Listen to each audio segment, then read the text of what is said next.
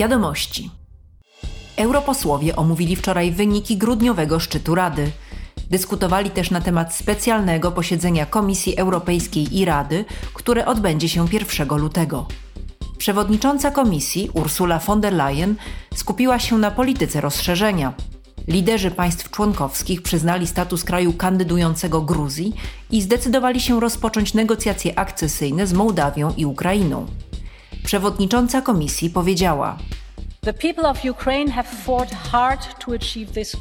Naród ukraiński ciężko walczył, by osiągnąć ten cel. Nie tylko na polu bitwy, lecz także poprzez działania instytucji demokratycznych.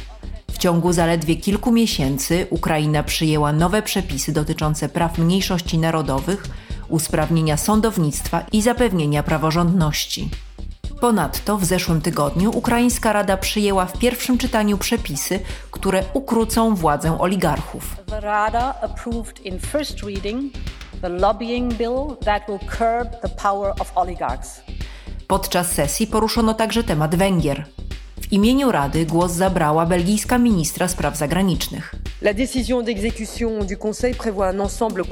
Decyzja wykonawcza Rady obejmuje niezbędne reformy instytucjonalne, które Węgry muszą przeprowadzić, zanim Komisja zatwierdzi wypłaty z funduszu.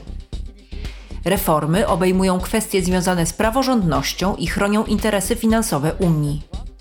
Węgry otrzymały dotychczas jedynie zaliczkę na poczet dalszych wypłat la Hongrie n'a reçu que le montant de préfinancement. Parlament przyjął w Strasburgu nowe przepisy, które mają pomóc zredukować emisję silnych gazów cieplarnianych. Dokumenty przewidują całkowitą eliminację fluorowęglowodorów do 2050 roku. Przepisy te są zgodne z unijnymi i światowymi celami dotyczącymi klimatu. Określają też wymogi dotyczące odzyskiwania i recyklingu tego typu substancji z materiałów budowlanych. Gazy te ulatniają się do atmosfery podczas remontów i są głównym źródłem emisji zagrażających warstwie ozonowej w Unii.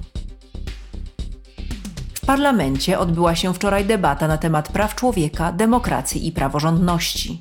Posłowie omówili też prześladowania członków ruchu religijnego Falun Gong w Chinach, a także zagrożenie głodem w wyniku wojny domowej w Sudanie i uciszanie niezależnych mediów przez władze w Tadżykistanie.